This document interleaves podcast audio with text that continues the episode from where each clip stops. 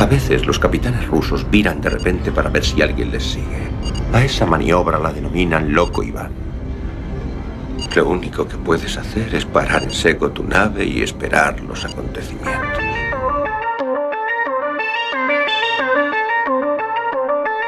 Galasphere 347 of Space Patrol calling unidentified ship.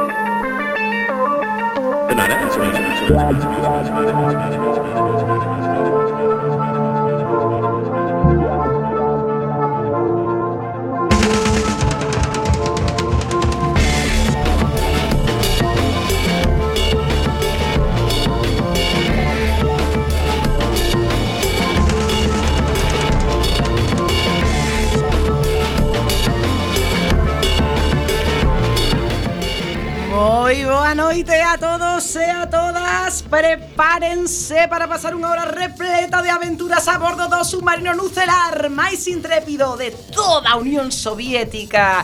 Regresamos nesta xornada na que se cumpre ganos da infame caída do muro que tanto nos gustaba. Quedan, non obstante, multitud de muros e fronteiras infumentas que sí que hai que derrubar, por exemplo, esa que hai ali por Melilla. Pero hoxe non vamos falar de muros, falamos de drogas, de drogas de ficción que cunden sempre máis e non fan tanto dano. Teremos, ademais, música, relato e entrevista con Fátima Elías que nos vai descubrir os segredos que esconden os cemiterios da nosa terra.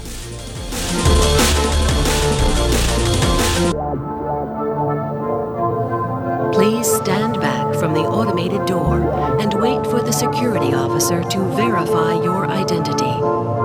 Before exiting the train, be sure to check your area for personal belongings. Todo isto non sería posible, xa o saben, se non tiveramos o oh, señor Bugalov na sala de máquinas. Se non tiverá sempre na miña esquerda o xefe de torpedos, o camarada Lamelov. Boa noite, camarada. Que, que muro caeu que dixo? No, ningún. Segue en pé. Segue en pé nos nosos corazóns como no noso corazón non está o xefe de cociña, Birnarem. Aquí estamos, eh, reforcei os meus coñecementos este verán con novos cursos de cociña. Volvemos exactamente de novo a surcar as profundas augas do río Monelos temos sempre eh, non na escotilla, pero a veces sí que está ali destinada a Tovaris Beosca. Os novos cursos de cociña do camarada Birnarem son a causa do tema de hoxe. Non está o noso querido Mendrellev en misión especial, pero temos a Antolina Terescova. Aquí de bolseira sustituinte. E regresa o submarino Unha bella gloria da radiofonía. Se trata da camarada taquicardia. Boa noite, bella. Ben, a punto. Permítanme que este programa o adique de forma especial a un compañeiro. A Moncho que hai unha semana marchou a facer unha viaxe interestelar. Está decidido onde estea a impulsar a dictadura do proletariado, ali onde te atopes, Moncho, sei que nos volveremos a ver. Saúdo a Capitana, Esbletana, Ibarruri, isto é Loco Iván, comezamos!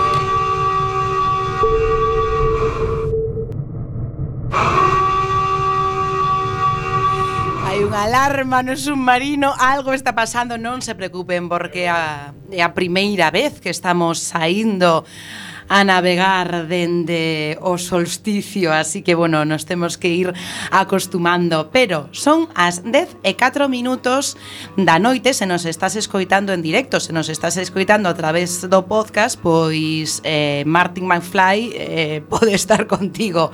Eh, así que, antes de nada, se vos queredes poñer en contacto con nós, porque xa sabedes que este submarino é sempre de ida e de volta, vamos a repasar os teléfonos eh, cos que podemos falar. Camarada, repítame, teléfonos. Pois a ver, tanto para Telegram como WhatsApp, o 644-737-303. 644-737-303 E se queredes chamar aquí a dar a brasa ao submarino polo, polo sonoro, polo telégrafo, por onde sexa O 881-012-232 881-012-232 E como tamén estamos nas redes sociais Inda que non somos moi sociais Pero diga, por favor, onde se poden poñer en contacto con nós Deixar os seus insultos ou o que queiran. Pois arroba loco Iván Cuac Tanto en Facebook como en Twitter.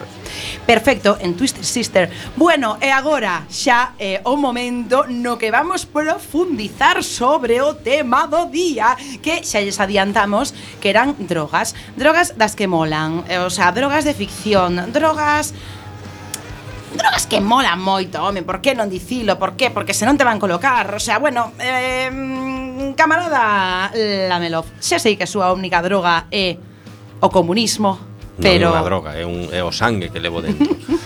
é unha ilusión. De pero... feito, as drogas soportan o capitalismo. É, é verdad. xeito de aturar o, o capitalismo. É verdad, é verdad. Así que, por favor, contenos sobre as súas drogas favoritas.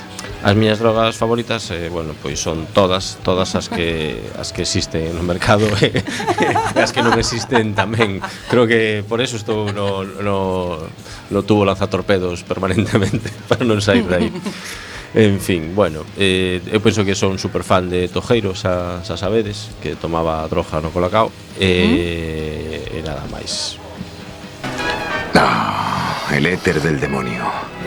Hace que te comportes como un borracho de pueblo de una novela irlandesa. Pérdida total de las habilidades motrices, falta de equilibrio, visión borrosa, lengua pastosa. La mente recula con horror, incapaz de comunicarse con la espina dorsal. Lo cual es interesante porque puedes verte actuando de esta forma terrible, pero no puedes controlarlo. Te aproximas a la entrada y sabes que allí has de darle dos dólares al tío o no te dejará entrar. Pero cuando llegas, todo va mal.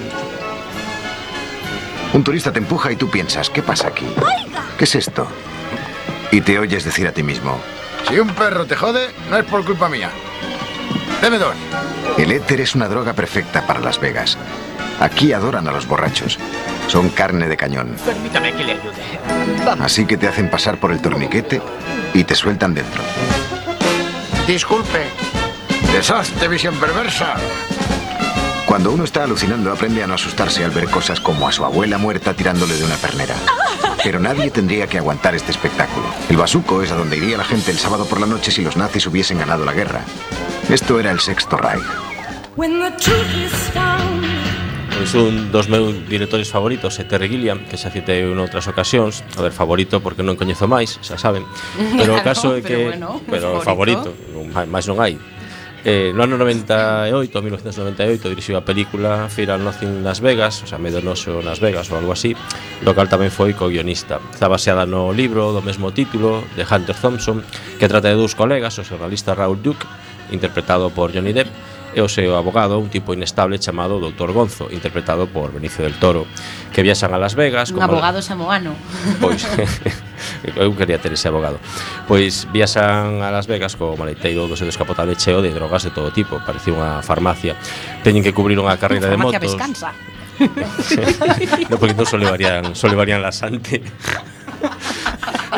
En fin, bueno, tiñan que ir a cubrir unha carreira de motos, pero ao final pasan da carreira e van hacia Las Vegas, en fin, un, conta un delirio lisérxico cheo de extraños personaxes e situacións tan mega chungas como disparatadas con grandes doses de humor negro, fai unha sátira da América profunda que foi un, bueno, foi un fracaso en taquilla, pero acabou por converterse en película de culto, como todas as que son fracaso en taquilla. Os americanos levan mala crítica así en xeral. Sí, si sí, non a non lles mola moito, menos o tema así de drogas en, en no cine, supoño. A min a verdade a película me flipou bastante, tanto pola historia como pola estética e con esos extraños movimentos de cámara que case colocan como se te dogaras de verdade, están como un movimento así extraño, así moi moi raro. Bueno, igual é que habín drogado, que tamén sí, claro, tamén pode ser. Pode ser, non, non, non existían. Non que non había esos movimentos, non. Bueno, eu a vin así e disfrutei moito moito mellor. Creo que foi co líquido de frenos que vi daquela. O libro engadiu o concepto de xornalismo gonzo, que ven sendo así como que o xornalista é parte da historia, además de contala, e ademais o que conta eh, o libro pois, pues, é unha historia real, porque o propio autor do libro foi, foi protagonista de, de esa viaxe, non? real tamén desde a súa perspectiva de drogado, claro, que igual non pasou nada do que conta, bueno. Mais alo de todo isto, a película toca un tema como é que unha xeneración que viviu o hipismo dos 60, pois atopouse nos anos 70 sen saber moi ben que facer da súa vida, pero con unha grande cantidade de drogas á súa disposición que, bueno. pues, que non viviu unha situación parecida. Claro.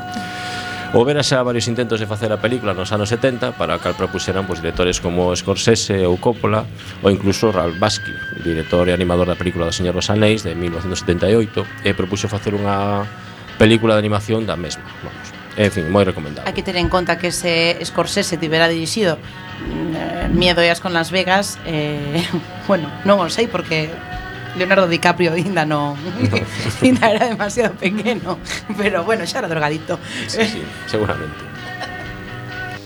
¿Enorgulleces de ser escocés? ¡Es una mierda ser escocés! Somos lo más bajo de entre lo más bajo. La escoria de la puta tierra. La basura más servil, más miserable y más patética jamás salida del culo de la civilización. Algunos odian a los ingleses, yo no. Solo son soplapollas. Estamos colonizados por unos soplapollas. Ni siquiera encontramos una cultura decente que nos colonice. Estamos gobernados por unos gilipollas. Esto es una grandísima mierda, Tommy. Y todo el aire puro del mundo no cambiará las putas cosas. Ben, unha película rompedora que sorprendeu no ano 96 e que lanzou a fama o actor escocés Ewan McGregor ben coñecido por facer de Obi-Wan en Star Wars. Trátase Trainspotting, do director Danny Boyle, e narra a vida dun grupo de reinómanos de clase traballadora dos suburbios de Edimburgo, sen máis intención na vida que drogarse e conseguir cartos para seguir drogándose. Foi un bombazo no seu momento, tanto pola estética como pola representación que facía do mundo da adicción á heroína, e chegaron a dicir dela que era como a lanza mecánica dos 90 tiveron a promo moi original Con reparto de flyers, coa estética de clubes de sesanos E o título ten un dobre sentido Por un lado Trainspotting é como, a, bueno, pues, o, o, o tema de estar contemplando trens que pasan así pues, Igual que a xente que contempla avións. E por outro lado, pues, é como lle chaman a jerga ali en Escocia Pois pues, meterse un pico na vea, non? Os actores son escoceses e falan cun forte acento escocés O cal non tivo problemas para estrear no Reino Unido pero tiveron que subtitular os 20 primeiros minutos para a versión estadounidense porque tiñan medo de que non entendesen nada. En fin, é un acento que mola bastante. Bueno, pero eso tamén pasaba con Mariano Rajoy. o, sea, sí, o subtitulaban tamén aquí. Había que subtitulalo e eh, despeixada a X. ¿no? Pero era demasiado profundo. profundo. O, é verdad. Eu a Mar Gregor ia ser protagonista de A Praia tamén de Danny Boyle, pero preferiron a DiCaprio precisamente. Ves, aí estaba. Claro, que nese momento estaba xa pois efervescente. Entón a Mar Gregor sentoulle fatal e, bueno, non quiso saber nada de Boyle, pois ata aí ben pouco. Sin embargo, precisamente este feito de que quedara fora da película de Praia, pois bueno, serviu para que logo fora protagonista pois de, de Star Wars de, de Obi-Wan. Hai que dicir que a Praia eh, eh tamén era unha película onde había un, un pouco de Alguna, de drogarse sí. a algo, pero non Non. é das mellores películas Non a que recordo verdade, non, tampouco non de podo dicir, non son de praia, son de montaña. Bueno, ¿Tomas anfetas? ¿Qué? ¿Tomas anfetas? ¿Pastillas para adelgazar? Ya te dije que estoy yendo a un especialista. Lo imaginaba. Vas a un matasanos para que te hinche de mierda. ¿Pero qué dices, Harry? Estoy en manos de un médico. ¿Qué te da, mamá? ¿Te da pastillas? Claro que me las da, es un médico. ¿Qué clase de pastillas? Eh, una púrpura, otra azul, otra naranja. Me refiero a qué es lo que llevan. Oh, Harry, soy Sarah Golfar, no Albert Einstein. ¿Cómo voy a saber lo que llevan? ¿Hacen que te sientas bien? ¿Te dan vigor y fuerza? Mm, Bueno, eh, sí, un poco. Un poco. Puedo oír cómo te castañetean los dientes. Pero se me pasa por la noche. ¿Por la noche? Sí, cuando me tomo la verde. En media hora me quedo dormida. ¡Puf! Sin más. Mamá, mamá. Lembrades a Jennifer Connelly, ¿no? A protagonista de Dentro do labirinto Pois é unha das protagonistas desta película Pero xa de adulta, obviamente Trátase de Requiem for a Dream que dirixida no ano 2000 por Darren Aronofsky, quen dirixiu tamén outras grandes películas como uh -huh. Cisne Negro ou Loitador, que foi a que resucitou a Mickey Rourke, non sei se lembrades tamén. Home, home, fantástico Mickey Rourke eh, transformado en en, en cousa, en, en, en, en, cousa, creo que era na cousa. Cisne pues, Negro maravillosa tamén. Pues o trata, Pi, sí, Fen el caos, Pi é unha película. Sí, é certo, é brutal, brutal. Esta tamén está moi ben. Hai a quien non lle gusta, pero bueno, a mí moloume. Trata da vida dunha parella, pues Harry interpretado polo odiado Jared Leto, e Pobre Mario, Jared Leto. interpretada por Jennifer Connelly, que queren facerse ricos vendendo droga e poder abrir un negocio pues, cos beneficios, pero nunca teñen cartos abondo o que levos a facer cousas inimaginables para acadar o, o seu soño. Unha curiosidade que ten é que hai unha escena na que sae Marion dentro dunha bañeira, moi, moi famosa e tal. Esa escena está tomada da película xaponesa Perfect Blue. Pois eh, na peli. Sí, pois para poder rodar esa escena tiveron que pagar os dereitos da película completa só se deixou correr mercar os dereitos mm. dunha película xaponesa. Va, a la mierda, non me mola xa. É xaponesa, paso. Ala, seguinte.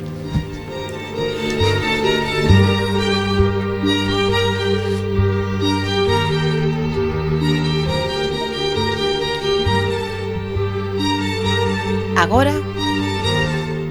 lle toca o turno a camarada Beosca, que tamén sabe moito de drogas porque é unha experta en medicina. Efectivamente, imos pasar de drogas na ficción a drogas de ficción.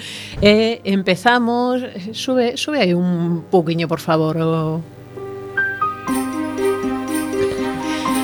Quen coñeza esta serie xa está cos pelos como escarpias, porque mm. imos falar de Fringe, unha serie de 2008, cinco temporadas, 100 episodios redondos e perfectos, de eh, Iota Iota Abrams, Alex Kutzman, eh, Roberto Ozzi, que son xente que estiveron metidos en cousiñas como Lost, Star Trek, Hércules, Xena, Star Wars, así que imaginade a friquez que podía salir de semexante trío. Pero como remata, eso é importante. Mm, ben. Remata. Mira, non nos imos meter en spoilers. Eh, ah, falamos de que? Falamos de Xena, de Star Wars, Xena de Fringe, de... Ben, aquí, Fringe... Aquí Todas rematan igual, non? A Birnarem das que sostén que Fringe remata mal, cando Fringe remata ben. Uh -huh. Sí, sí. Hai que velo, hai que velo e decidir. Fringe eh, foi chamada en castelán Fringe ao límite. Fringe en realidad veñen sendo flocos, porque eh, aquí a historia é que a división Fringe do FBI investiga casos que non se poden explicar polos métodos científicos habituais, están aí no límite, como os floquiños. Eh, así que a protagonista Olivia era que recurrir a Walter Bishop, o arquetipo de científico tolo, un que é amante de experimentar con todo tipo de, de drogas. Eh, por certo, un dos mellores personaxes que eu vinen de xamais nunha serie. Acaba eclipsando a, a todos os demais. É unha serie de culto a que hai de todo, transhumanos, singularidades tecnolóxicas, biotecnoloxía, universos paralelos, liñas de tempo alternativas, mensaxes secretos nas introducións de cada capítulo, ovos de Pascua diseminados por toda a serie, é maravilloso. Incluso temos o Doutor Spork, bueno, eh, concretamente a Leonard Nimoy, facendo un pouco de malo, por certo, é un personaxe complexo, como o doutor William Bell, que fora socio de Walter Bishop. Estes dous crearan anos atrás a droga da que vos quero falar, que é o cortexifan, un potenciador das capacidades mentais ata tal punto que permite eh, cousiñas de pouca índole como saltos interdimensionais. Eh, experimentaron estes dous con ela en meniños e meniñas por estar o potencial destes, o potencial mental aínda intacto, cosa que nos parece eh, absolutamente normal andar experimentando con drogas en meniños. Bueno, oye, é adiantar un pouco. Exactamente, o, o inevitable e a chegar igualmente, claro. non? Pasamos a outra droga, o NZT48, que saiu na película Limitless. Unha... Oi, pensei que, ias, pensei que as dicir o que máis mola de Fringe. Mm. Fringe, que está baseado ademais nun capítulo de Futurama. Ah, mira, non lembraba. Conta, Por conta. riba. Sí, hai un capítulo de Futurama na que o Dr. Fainsworth fai un rollo con universos paralelos e de feito un dos protagonistas principais de, de Fringe se apelida Fainsworth en homenaxe ao, ao profesor de uh -huh. Futurama. Efectivamente. Eso, eso é o que pasa cando JJ Abrams ve Futurama. Uh -huh. Non teño nin idea e merece un aplauso. Un aplauso. Un aplauso. Un aplauso. Eso. Teríame acordado se tivese tomado o NZT48 de Limitless, unha película de 2011 protagonizada por Bradley Cooper, que mm, é un escritor bloqueado, é o seu excuñado, os cuñados sempre metendo aquí ah, a historia malamente. Os excuñados peor. Dalle a, coñecer o NZT, que é un psicotropo que permite a utilización de todo o potencial cognitivo, ou sexa, utilizar o 100% do cerebro. E xa de paso aumenta a potencia sexual. Eh, este, neste caso, pois o protagonista acaba escribindo libros de superéxito, faise moi famoso, acaba metido en política, bueno, hai moitas cousas detrás. Eh, a película non está mal, un pouco oscura, un pouco, non sei, random. Eh, a mí gustoume máis a serie de 2015, co mesmo título, Limitless, eh, sen límites, que non En realidade é unha continuación. Só ten unha tempada de 22 episodios, para miña desgracia, porque a min gustame moitísimo. Eh, o prota pois é un tirao da vida que acaba traballando para o FBI. Bradley Cooper tamén aparece nesta serie e claro, mm, pola evolución lóxica do seu personaxe xa é senador, está metido en todo tipo de cousas, porque claro, leva moitos anos traballando o seu potencial. Un momento. É, é como remata. Ben, esa non remata, penso. Un momento, porque eu Xa estou pensando. Unha persoa, o sea, escribiu un libro, vale, escribiu un libro, chega a- chega a ser case case presidente. Podemos estar falando de que Pedro Sánchez tomou NTC 48? Mm, pois No. igual se estaban aí adiantando. Porque escribiu un libro. é verdad, é Igual é pola verdad. potencia sexual. Pode ser, oh, pero... Oh, Dios mío. Oh. Por favor. É unha imaxe que non precisábamos. Grazas. En fin, Lembrade eh cando vayades a votar. a ver, todos o vimos con Calleja. Aí hai potencia. E con, e con Esperanza Aguirre. Vamos a ver. Basta. Eso, seguimos, veña. Eh, a serie, como vos digo, era máis divertida que, que a película. Eh, cada capítulo, ademais, ten experiencias diferentes cada vez que toma o NZT. Mm, por exemplo, no primeiro capítulo, pois pues, aparece como unha imaxe de si sí mesmo coa que pode falar e digamos que entre os dous pois pues, van amañando e resolvendo o que teñan que resolver. E hai outro capítulo moi divertido no que se lle aparece un presentador dun programa infantil de cando él era meniño, como presentador que xa morrera Deus sabe cando, disfrazado de dinosaurio, eh, que non lle deixa decir malas palabras. Todas as palabras, mm, bueno, malas ou negativas, as ten que cambiar por palabras bonitas. Entón, no seu cerebro, cando chegan a unha escena dun crime, el escoita que un alumiñador en serie mandou a unha rapaza a xogar no campo despois de darlle unha masaxe no pescozo que deixou manchas de refresco por toda a habitación. Cousas así. Bueno, pasa iso a Pascal, está fracasado. Arruinado. Ah, final. Entón, bueno, o que ten NZT que mola un mogollón, pois eso, podes escribir un libro en tempo récord, te podes facer un experto en doenzas nun par de días, os idiomas, pois mira, mentrais tomas un café, aprendes un.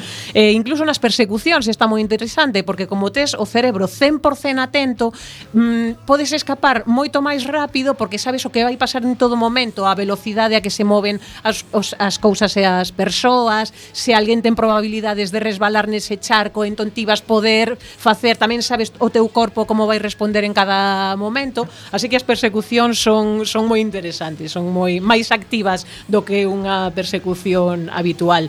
Eh, así que mola moitísimo, ben, eh, o único problemiña que ten é que se non a consumes con regularidade, pois acabas morrendo lenta e dolorosamente. Detalles.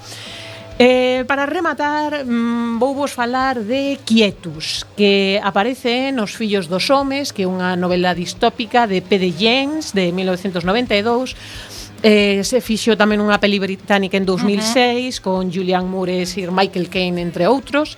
Eh, a acción sucede en Inglaterra en 2021, 25 anos despois de que a humanidade toda se volvese estéril, así que a poboación está bastante chof porque non imos a ningures, a, aínda que hai un grupo de resistentes que non comparten a desilusión xeral E non, non é polas drogas, que xa vos vexo que estades pensando. A droga da que vos quero falar é eh, o quietus, que eso, como todo está tan mal e non hai poboación nova, pois mm, realmente ao final vai morrer todo o mundo, non? Porque aquí non hai xeito. Así que os anciáns e os enfermos pois son especialmente unha carga, a menos que teñan cartos, que cando tes cartos non é carga ningún, por suposto. Así que se lles invita mm, ás veces mm, con moito ahínco a participar nos quietus que son en realidade suicidios masivos, hai incluso anuncios na televisión e nos busis quietus, ti decides cando. E, e o goberno o que provee a pílula do día final, que basicamente dá unha gana irrefreable de guindarte por unha ponte abaixo. Pero non pasa nada, porque vas todo posto de pastillas, e vas feliz e ademais é analxésico, así que morres sen dor ningún. E ademais, ah, se o pensamos... remata, entón, que morres. Eh, si, sí, os que morren si, sí. a película remata de outro xeito.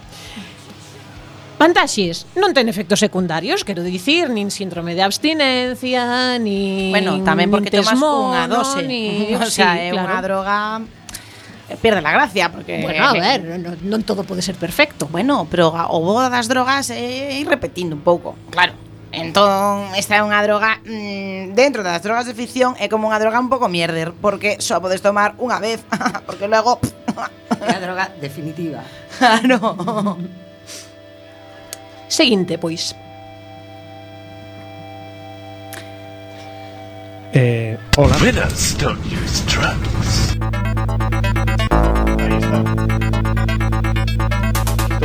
Non estou, estou. Bueno, aquí estamos con música de caridade novamente en este, en este gran programa. Música de caridade. De caridade. Toma pois, bueno, como estamos falando de drogas, a min venme a mente pois os gloriosos anos 80, nos que me drogaba, pois porque a vida me fixo así. Bueno, É broma, non? Pero lembrome dos 80 porque tamén había as gloriosas recreativas que todos coñecedes, uh -huh. eh, nas que pasaba as tardes dos sábados pois movendo a palanca e destrozando botóns. Eh, e si, eran moi americanas as máquinas e non hai máis americano que ser gañador ou perdedor e tampouco hai nada máis americano que mandar mensaxes pois así un pouco rarún, rarunos que pretendían concienciar a mocidade sobre os perigos das drogas. E, pois facemos un cóctel con todo isto e temos a campaña Winners Don't Use Drugs. E a Maradona tamén. Efectivamente, que é o cartel de presentación que abría a maior a maioría das recreativas da época é que pois as nenas e adolescentes galegas dos anos 80 realmente non entendíamos que era eso de ser winner, nin o que eran as drags e o único que queríamos era que empezara o xogo. Bueno, o das drags hai sitios nos que sí, eh? Sí, bueno, o mellor entendían o que eran as drogas, as drags xa non sei, pero bueno. As drags queens, pois o mellor tamén, non sei. non, daquela tampouco sabíamos os, ben que eran as drags queens. E os drags kings tamén, tamén as se sabía, kings, sí. Tamén, as, as reiñas das drogas. Efectivamente. ¿no? Claro. Pois nada, eh, a vida era moi simple porque só queríamos esperar, só estamos esperando que empezáramos o xogo. Eh, pero bueno, mm, eso sí, non conformes con, con todo isto, pois tamén houve unha segunda campaña que está empezando a soar así un poquinho de fondo, que se chamaba Just Say No, eh, con canción propia e todo, eh, con diferentes personaxes da época, pois así tan medio pintos como Nancy Reagan, Clint Eastwood, M.A. Barracus, eh, Davis Hasselhoff, O sea, toda xente que, que se Que tomaba ganas de droga. drogarse. vamos. Que ganas de drogarse No, no, no, pero a mí o que máis me digna é que incluso Kit eh, recomendábamos que non nos droguemos dándonos aburridos discursos que pois que se sabíamos, ou bueno, que, que si agora daquela non sabía, pero bueno, para o caso dá un pouco igual. O caso que estas campañas pois foron criticadas como simplistas, eh, como un lavado de faciana, eh, etcétera. Pero pero bueno, Esos son pequenos detalles, ¿no? Que tampouco teñen demasiada importancia. Ti recordas que, con cariño esas campañas. Efectivamente, que saberei eu máis que Nancy Reagan, por exemplo. Claro, é verdad. Pois, nada, entón eu desde aquela pois só me drogo con café de comercio susto. E eh, contra iso pois non teño nada que os americanos non teñen nada que dicir en contra, entonces pois Bueno, podo, podo de momento non lle das ideas. teñen que dicir Xa acabaches? Si, sí, eu xa rematei, creo que irá outra persoa ou Bueno. Que, outra tripulante. De acordo, de acordo, de acordo. Esa outra tripulante é eh, taquicardia. Hola, que tal? Sí. Pois nada, eu cuspo nas mans, eh, Peino un pouco, atusumo o pelo, coloco as gafas, e vou eh, falar un pouquiño das eh, drogas relacionadas coas religións ou coa trascendencia Sabes que a religión é un universal cultural, eh, polo tanto, pois, eh, en moitas religións, en todas as religións, o xeito de trascender era a través das sustancias enteóxenas variadas. Aló, sí. os principios dos Algo malo, pasado. do comunismo. que, que non hai religión para poder... pero, pero, é, é a religión pero, sí. si mesma, o comunismo. A ver, claro. explíqueme. Pero temos momia. Que drogas, que drogas, camarada, eh, Lamelov, hai no comunismo así eh, típicas? Non hai, porque as drogas son para buscar a felicidade e o comunismo xa é a felicidade. Claro. O vodka. O vodka non é unha droga, é A ver, unha... unha necesidade. Claro, é, é como a auga, sí, auga é unha droga, un alimento, ¿no? un alimento. Claro. O caso é que eh, se algo tiene que ver os Estados Unidos co comunismo, é eh, que recitaban eh, pois eso, o uso das sustancias, pero aló polo século pasado, a mediados máis ou menos, empezaron a, a promulgar leis eh, para favorecer a estabilidade social. Eh? Porque as drogas, queridiños e queridiñas, son malísimas, malísimas. Entón, eh, promulgarían leis contra a cocaína, contra a heroína, máis tarde sería contra a marihuana e logo contra... Contra a marihuana, todas no! Estamos as en drogas psicodélicas eh, que se pusieron moi de moda. E Mircelia de 1956 trazaba xa unha liña entre a metáfora do voo máxico, os, tran os trances extáticos. E para Eliade o voo era expresaba intelixencia, comprensión das cousas secretas ou das verdades metafísicas. Vamos que toda a experiencia mística de trascendencia e sabedoría asociábase a levar un globazo de campeonato e voar con el, claro. E todo isto viña para explicar o uso das plantas psicoactivas nos rituais sacramentais. Eh, como soa ben eso, eh? Eso soa ben. A que sí. Mm. O café de comercio xusto non sabemos moi ben cando se empezou a empregar para estas cousas, pero... eh, E isto era un xeito de superar a suposta impureza humana e achegarse a unha instancia superior. Coger un cagallón. Eh, esta instancia superior, efectivamente, se podía chamar Deus, coller un cagallón ou callampa monumental, por exemplo. O caso é que o Banco de Probas das Sustancias Enteóxenas durante moito tempo viviu no contexto das manifestacións religiosas. O cristianismo non se libra, claro está, porque claro, decideme vos se tomar eh, pan eh, fermentado, eh, sen fermentar, quero dicir, no, no, eh, viño, fermentado. e viño sen almorzar, eh, pan mm, fermentado. ben se sabe que convalida moi ben unha sesión vermú eh, bastante tras porque claro, mm, en fin, sentar, sentar e bastante ben. Sardiñas con anisakis. o sea, o rollo era o pan sen fermentar e as uvas fermentadas, non? aproximadamente. Ese era Sí. Eh, claro, rollo que eh, en estas estás eh, e a Igrexa Católica pues, bueno, pues, sempre se pronunciou en contra das, da, dos chamados estupefacientes eh, aínda que, que bueno, comungar como unha, un mogollón eh, os hai que ver o cura de xestoso eh, na India Antiga, por exemplo o soma era o narcótico divino eh, que dicían que era fillo do deus trono terían que pasar 2000 anos para descubrir que o soma era a manita muscaria esta seta tan bonita, vermella con puntiños brancos que debuxan todos os contos infantiles Recordade, nenos e nenas que estamos en Non tempada de setas, por certo. non podedes comer a manitas muscarias así a lo loco A lo loco Pero no, sí, chupetealas, pero, bueno, chupetealas. Claro que sí. Lamber sí, Poquiño morder sí. no. Morder, no. Eso de sempre. Pero podedes rezar eh, as amanitas. Eh, por exemplo Como todo na vida, lamber sí. E que máis claro. Morderno. Morderno. Esto, así, eh, recordade eh, esta, esta frase. Aparte de ser bonita, eh, claro, dan gañas de, de lambela. E o nome é fermosísimo, Manita, Manita. Ai. Na Europa medieval levábase moitísimo a Mandrágora e a Belladona. Oh. Belladona como a capitana, por suposto, no, claro. Eh, da que se dicía que aumentaba as pupilas das damas eh, dotándoas dun atractivo pero mm, fabuloso e maravilloso como da capitana, por suposto. Mm -hmm. Teñas pupilas sempre. Aos pés. E, e se te pasas de dose co Belladona as deixas fixas e eh, vidriosas. Bueno, eso sí. Eh, ten, eso sí. Tamén é bonito vidrioso, eh? Pues claro. eso fixeron no. manga, seguramente. Se te pasas de dose, probablemente eh, empezase a parecer Talbert Rivera ou algo así que nos faltaba este por citar menos neste movimento. capítulo de, de En este capítulo todavía non falamos de Albert Rivera. Eh, claro, era rarísimo, claro. Eh, bueno, O caso que a Belladona rulaba totalmente nas, nas bacanais e eh, aquilo era unha cousa tolísima. Os egipcios dabanlle sobre todo beleño, que era unha droga moi relacionada coas bruxas. Eh, mm. Había que levar no bolso sempre beleño beleño que, que, que mola, porque soa beleno. Eh, na India crían que...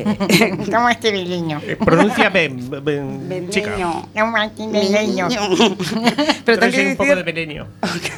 Bueno, sigamos. Na India crían que a planta do cáñamo foi entregada polos deuses aos homes para obter valor e maior capacidade sexual.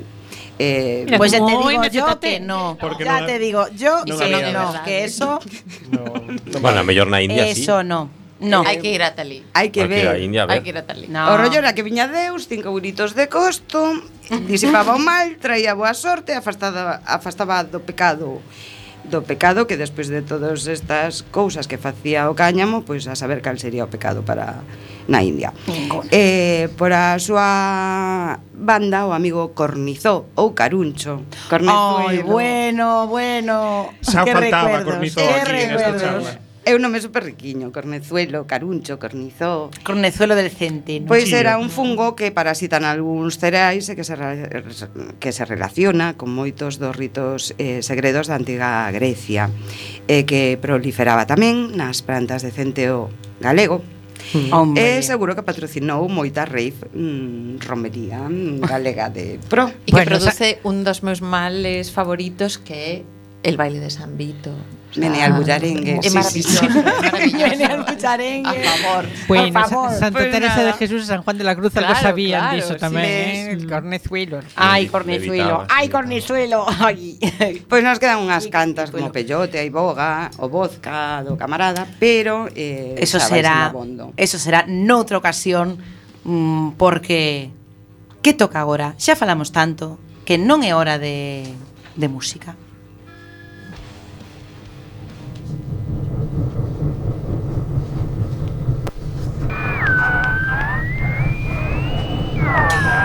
É o habitual sonido dese lugar onde onde vive o camarada Bugalov. Hola, hola. Que tal? Como foi? Como foi o, o, o período eh, estío?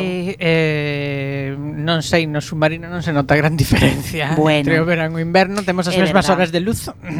eh, Eh, pois mm, esta vez non é por casualidade, esta vez porque como sabía de que iba o tema, trouxen unha, unha canción que vai co tema que vou empezar a, a, a poñer se tal, se se deixa mm, así polo bajini mentres eh, falo da droga que xa se empezou a falar dela, por certo que é Osoma, que como se chama esta canción?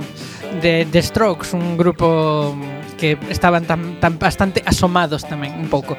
Asomallados. Eh, o Soma que é uh, unha, un dos protagonistas dunha das mellores novelas de todos os tempos, Un mundo feliz de Aldous Huxley. Uh -huh. El dicía que eh, o Soma viña sendo como unha mestura entre o cristianismo e o alcohol sen os efectos de secundarios en ningunha das dúas. Eh, Bueno, o caso é que para que servía? Pois servía para o mesmo que sirven agora os móviles Para tontar a peña eh, Vos deixo coa canción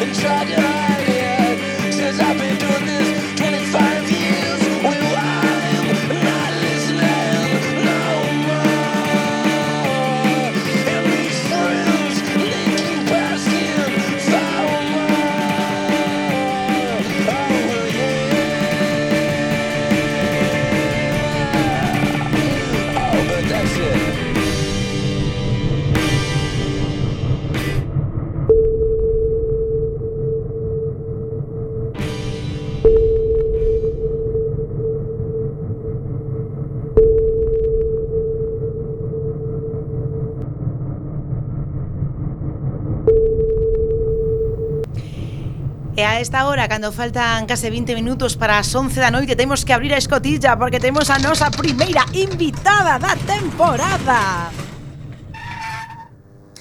Abrimos a escotilla do submarino eh, Podes sacar a escafandra Señora Fátima Elías Moi boa noite Encantados estamos de que este no submarino Hola, que tal? Boa noite. A ver se non resbalo por aquí pola barandilla porque son un pouco torpe. Non se preocupe, se resbalará pola barandilla e eh, que mal estamos xa no submarino. xa estaría vostede un pouco afundido. Eh, Fátima Lías, eh, a coñecerán moita xente porque é unha gran contacontos, pero ademais é que acaba de escribir, bueno, de publicar, de escribir, supoño que non, un libro, eh, La voz de los muertos, eh, eh, da editorial Reino de Cordelia, preséntase mañá na Coruña, agora nos dá todos os datos, pero temos que saber, ten que saber os, os ouvintes, que este libro, bueno, unha cousa que a min me encantou, que conta, analiza todos os segredos que teñen os cemiterios. Fátima, primeiro, contanos cando podemos mañá escoitarte en directo eh, para coñecer este libro de primeira man, que será mañá, creo que, sobre as sete da tarde nunha librería da Coruña, non é así? Sí, efectivamente, será eh, na librería Santos Ochoa, non na que está no Marineda, senón a que está eh, na rúa Teresa Herrera, entre a Plaza de Pontevedra e a Plaza de Lugo. Aí ás sete e media da tarde, vale? Pois a sete e media da tarde nos vemos. E agora, dada esta pincelada publicitaria, contanos, Fátima, eh, como se te ocorre eh, publicar este, este libro que é case un dicionario dos segredos que podemos, eh, que agora vamos a saber identificar nos cemiterios? Pois mira, eh, a verdade é que a historia foi así un pouco anecdótica, porque precisamente mañán estarán comigo para presentar o libro Nieves Abarca, a famada escritora da, da, daqui da Coruña, Que veo aquí eh, a pregoneira, tamén, sí, a pregoneira, señor. fabulosa. Eh, tamén Luis Pousa, eh, que é poeta, eh, periodista, Pois nada, eu mm, le, xa leva na, na biblioteca porque eu fixen un curso por Seattle eh, pois de iconografía funeraria pero bueno, para min, sabes, porque como son así un poquinho friki, pois gustábame, fixen o curso e ali quedou. Pero que pasa? Que eu traballo nunha biblioteca e, eh, bueno, unha vez levei así os rapaciños e tal, tiñan 13 anos, 14 e, bueno, alucinaron, non? Quedaron abraiados con toda esa simboloxía que temos aquí en San Amaro. En San Amaro é en calquera cemiterio histórico, é dicir, así con 200 anos de antigüedade, co cual nos aquí somos uns privilexiados, non? Por ter esta xoia. E, e claro, os pais dicíame, os pais dos rapaces, "Ai, pero nós tamén queremos ir, pero contanos, pero tal. E claro, poquinho a pouco dime contar de que, de que bueno, a xente lle gustaba e tal. E foi precisamente porque me atopei con este amigo, con Luis Pousa no cementerio, E, bueno, así camiñando empecé a explicar, pero como non queda era cousa, non? Pois pues isto significa tal, fíjate nesta, significa esto eh, me dixo, pero por que está todo eso nesa cabeza eh, e non está nun libro? Pois bueno, me, a quen lle vai interesar? a quen lle vai interesar isto? pero ti escríbeo. E eh, bueno, resulta que a editorial Reino de Cordelia encantoulle a idea e aí está plasmado. Bueno, pois eh, vamos ao práctico. Contanos un pouco, eh, sobre todo, pois, eh, son os cementerios galegos. Que podemos ver que sexa identificativo que esconda algún segredo? Que son esos, esas cousas que, que, que ti nos revelas no libro? Pois mira, eh, o, o temos aquí, o temos en Lugo, o temos tamén en Vigo, pero bueno, eh, en Betanzos, sabes? Quero dicir que non é un libro que, que teñas que ir aí pois, a, a Londres a ver os maravillosos cementerios de París, de, de Italia, non? Non, non, en calquera cementerio que seña un poquinho bello, pois aí os tes. O que pasa que están, os símbolos son moi discretos, sabes? pasan desapercibidos os ollos, pero unha vez que tes esta, esta documentación, bueno, ábrese todo un mundo de simboloxía do que quixeron dicir os deudos dos finados de fai dous séculos, pois, por exemplo, de como morreron, ou que foron en vida, eh, as súas creencias, cousas maravillosas, non? Por exemplo, aquí no cementerio de San Amaro, eh, para centrarnos un pouquiño, pois temos unha rosa Tamén explico no libro que dependendo da floración da rosa, pois o finado morreu a determinada idade, sabes? Ajá. Se un capulliño pois morreu antes dos 12, se está medio aberta morreu antes da vintena, e se está pimpante pois entre os 20 e os 30 anos. E hai unha rosa a que lle sai unha rosiña pequeña pechada. Vale, esa é moi triste, non? Porque é unha nai que morreu dando a luz. E morreron os dous, morreu a, ma a mai e morreu o neno, enterraron os dous. Na lápida somente, claro, é unha lápida de principios do, do, século, do, do, do século XX, e somente sabemos o nombre dela, pero tamén está a criatura, sabes? Seña que uh non nato, pois eso, que, que non tuvo nin nome. Eh, eh, bueno, pois eso, pois unha columna troncada, por exemplo, así no, eh, na, na, no andar principal, pois as columnas truncadas poñíanse de cotío pois eh, en xente que morreu antes de tempo xente nova que, que partiu antes de tempo. Tamén podese ver eh, cando morre o cabeza de familia tamén podía poñerse a columna truncada, pero bueno, é eh, máis mm, mm a continuo atopase, atopase mellor nesas especie de tumbas, no? cando, cando morre alguén novo os anxiños tan típicos que se poñen nas tumbas dos nenos, as margaridas que tamén se poñen nos, nos tumbas dos nenos porque significan a inocencia, aínda que podemos atopalas nas tumbas dos adultos, pois contan que tamén o libro está enriquecido con un montón de anécdotas -huh. eh, que um, eh, de outros países, as anécdotas de aquí, ou a, a súa fortuna que teño de traballar na biblioteca, é que a cada usuario te preguntaba, mira, e ti coñeces algo, de onde eres? E coñeces alguna um, mm, anécdota en relación á morte, tal? Entón, o libro está moi enriquecido con etnografía o, o, o sea, da morte. xente que iba chegando á biblioteca, dicían, ah, por que me preguntará por... por... non por unha por se sei algo da morte. Eh, so... Eh, bueno, a ver, tamén son moitos anos traballando xa na biblioteca. Eu le, cheguei a traballar con lentillas vermellas, sabes? Ou seña que a xente, bueno, xa, os usuarios xa non se espantan de nada. Claro, eh... entón pois eso, nada, que, que está todo moi moi documentadiño e, e sabes, sobre todo o que me gustou foi porque aparte de que se me nota un poquinho tamén a deformación profesional porque meto moita cita literaria e tal relacionada cos símbolos, pois tamén moita etnografía, sobre todo de aquí de Galicia e de Extremadura, porque o meu home extremeño, entón claro, tamén estive por ali indagando Oh. Wey. Estamos, ah, estamos, era, estaba, estabas facendo unha, unha traba para ver se estábamos atentas. Eh, Fátima, eh, outra cousa que te eh, quería eh, preguntar. Cal, é o símbolo dos técnicos de radio que morren? Ah, sí. Pois pues mira, os símbolos de radio non che sei, pero eh, San Rafael, vale, que eh, nos cementerios é, eh, é eh, o que menos se ve dos anxos, non? Porque son máis vistosos pois, pues, Gabriel ou o Miguel. Pero Rafael, que é o que ten unhas redes, porque é o pescador de homes, pois é o patrón dos medios de comunicación tamén, vale? Seña, porque se sirve de Polas redes, claro, que ben traído, que ben traído. Eh, Fátima, tamén te quería preguntar polas árbores, porque sempre se fala das, das árbores dos cementerios ou de determinadas árbores que dan como máis sorte, menos sorte. Eh, que árbores son as que están representadas e as que están plantadas nos, nos cemiterios? Vale, unha cousa son as que están nas tumbas e outras son, sabes, porque nas tumbas sí. podemos encontrar cipreses, podemos encontrar, bueno, un montón de árbores, non? Podemos encontrar piñeiros, podemos encontrar... Uf, pois eso, eh, sauces, moitísimo, sobre todo no século XIX, moitísimo sauce porque era o emblema do luto. E ademais perteñecía á arborera de Perséfone, non? Eh, o ciprés adicábase máis ben a Hades.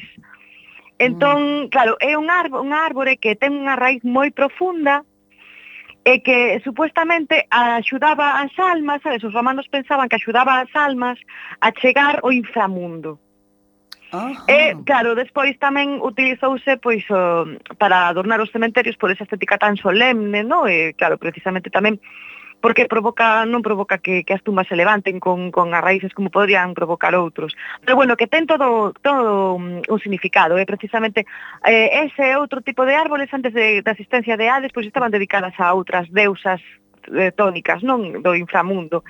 Mm, eh, bueno, incluso tamén na cultura otomana, plantanse cipreses, porque eh, din que co vento, cando se moven, pois soa hu, hu, que quere dicir Deus para eles. Onda, pero, pero eh, Fátima, o xo que estamos aquí aprendendo en... Eh en nada a, ás 11 da noite con vostede. Non tiñamos nin idea. Eu polo menos eso non teña non teño nin idea. E unha cousa máis, antes de antes de despedirte, emprazar a xente a que este sábado 9 de novembro se acerquen por por Coruña para verte, preguntarte tamén eh, porque creo que o libro tamén conta con ilustracións Entón, queríamos preguntarte, es, aquí somos tamén moi fans dos ilustradores coruñeses e dos ilustradoras galegas e te queríamos preguntar por esa colaboración que tes tamén no libro. Bueno, agora é cando solto babas, moitas babas, porque eh, ilustroumo eh, Antonio Seijas, que é un dos meus mellores amigos, pero que aparte é unha persona que ten unha sensibilidade brutal. Non eh, eh como digo, é un, un home que, vamos, o seña, veo o visible e o invisible. Eh, Antonio Seijas, aparte de que, bueno, é eh, ilustrador, pois ten os seus propios eh, cómics.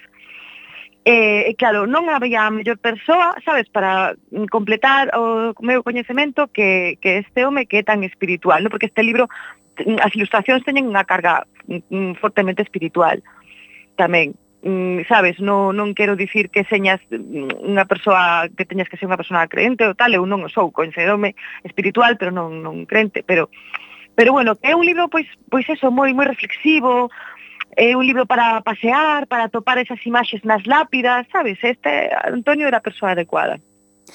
Unha cousa máis, teño que preguntarte, antes falou do cemiterio de París. Sí. Claro.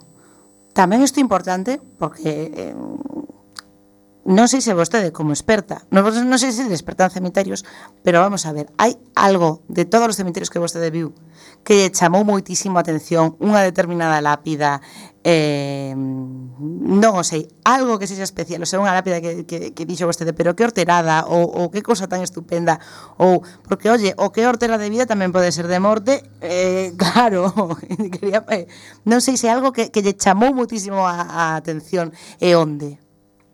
Pois mira, eh, cousas maravillosas hainas en Londres, en París, en, en bueno, eh, logo xa Italia é para morrer de gusto, sabes, no Católico de Roma, en Estaglieno, en Génova. Bueno, é, é, é unha unha tolemia, non?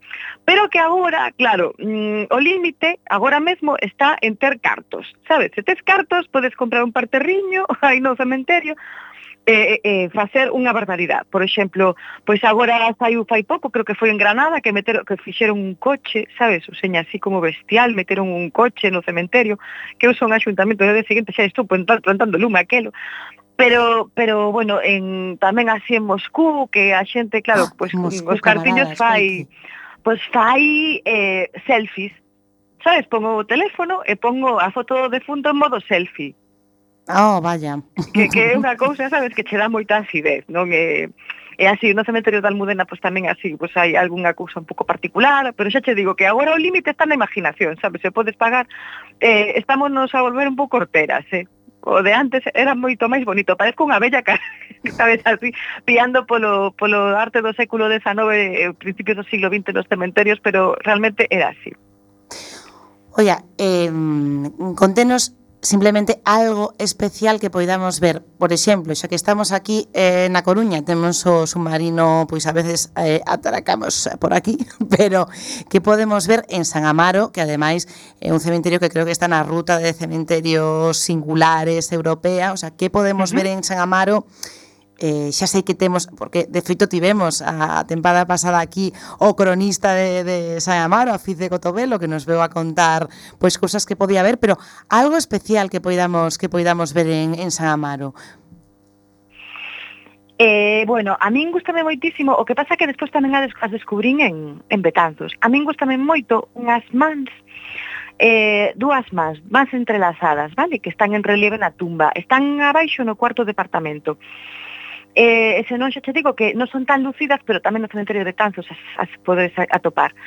Mm, son moi bonitas, eh, non son nada vistas aquí nos cementerios de Galicia. Sei que é un símbolo que é moi moi habitual nos cementerios eh, londinenses, por exemplo. Pois mira, son dúas mans que se están en, dando, dan, saudando. Esas mans eh, que, que sí que se atopei eh, eh, eso, pues, eh, en Inglaterra e tal, xeralmente eh, eh funcionan como despedida na vida terrenal. Pero aquí en San Amaro están superpostas a unha nube e esa nube ten unha cruz, é dicir, esas mans atópanse no ceo. Vale, un de, unha desas mans ten puntilla, mm? remata, o sea, está a man é unha blusiña con puntilla, é unha blusa de muller. E a outra man é unha camisa, unha camisa de home. Eso é un matrimonio que se atopa no ceo. E tamén este tipo de lápidas, o seña, este tipo de, de adornos teñen unha curiosidade, que é que o dedo pulgar, o, que, o dedo pulgar que está por encima da outra mano, simboliza o que morreu primeiro e que recolle a outro no ceo, sabes? Ou seña, neste caso, morreu primeiro o home, que ten o dedo pulgar por enriba da mano da muller, é o que está a recoller a ela. Oye, pareceme pues... moi bonito. Pois Fátima, que te apuro porque me está facendo aquí o señor Bugalov señas de que se nos acaba o programa, pero bueno. eh, mañá, recórdanos, por favor, é a sete e media da tarde na librería Santos Ochoa. Na librería Santos Ochoa, na rúa Teresa Herrera, moi cerca da Praza de Pontevedra, no corazón da Coruña. Ah, pois, eh, Fátima, te esperamos, eh, te esperamos de volta aquí no Submarino para que nos sigas contando estas cousas super interesantes e eh, a todos e a todas as persoas que nos estades escoitando. Mañá sábado eh, ir a ver a Fátima en directo e senón, oye, comprade o libro, por suposto, todos eh, La voz de los muertos, home, quero decir, todos os muertos, no, La voz de los muertos. Moitísimas Moitísimas gracias, Fátima. Eh, eh, xa sabes que podes volver cando queiras a este submarino. Vale, graciñas, eh, e correde, correde moitísimo. Aproveitado o submarino para ir ao Letuna al Memorial Reef, que é un sumeterio eh, que está soterrado aí eh, na, na zona de Miami. É ah. actual, eh, vamos, unha cousa maravillosa. Buscadio, buscade en internet. Pois agora mesmo poñemos marcha hacia Miami. No nos encaminamos hacia Veña, biquiños, eh, saúdos, boa noite. Que estamos escoitando, por favor? este himno cantísimo semanas en escoitalo. Bueno, no, porque vos poño sempre pola noite para, para irme a dormir cando me desperto tamén Pero vostedes non vos escoitaban dende fai moitas semanas porque marchamos Pero agora regresamos. O mesmo que vamos facer o próximo venres que estaremos aquí de novo Con máis comunismo, con máis igualdade, con máis fraternidade E por suposto coa miña dirección. Viva Capitala! 우와!